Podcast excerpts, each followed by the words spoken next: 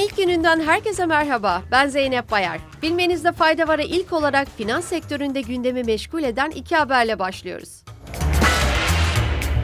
Altı büyük ekonominin merkez bankaları finans piyasalarına güven vermek amacıyla Amerikan doları akışını arttırma kararı aldı. İngiltere, Japonya, Kanada, Avrupa, ABD ve İsviçre merkez bankaları koordine bir şekilde likidite karşılığının artırılacağını ortak bir açıklama ile dünya kamuoyuna duyurdu.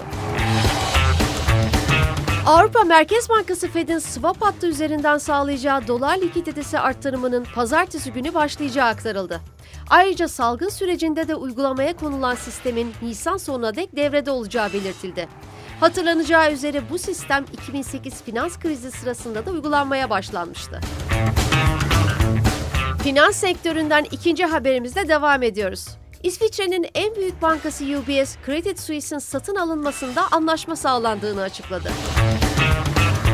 Satın alma görüşmelerinin İsviçre Maliye Bakanlığı, İsviçre Finansal Piyasalar Düzenleme Kurulu ve İsviçre Merkez Bankası tarafından başlatıldığına işaret edilen açıklamada satın almayı İsviçre resmi kurumlarının desteklediği kaydedildi.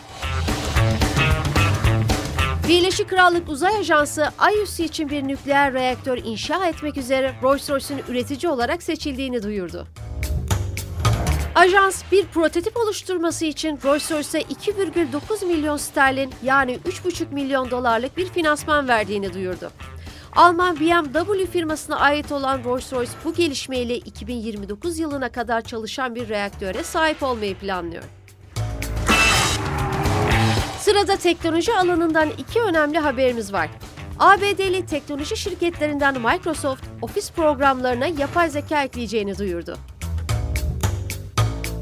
Şirketten yapılan açıklamada Copilot adlı yeni özelliğin uzun e-postaları özetleme, Word'de taslak hikayeler hazırlama ve PowerPoint'te slaytları canlandırma gibi eylemlere olanak sağlayacağı bildirildi.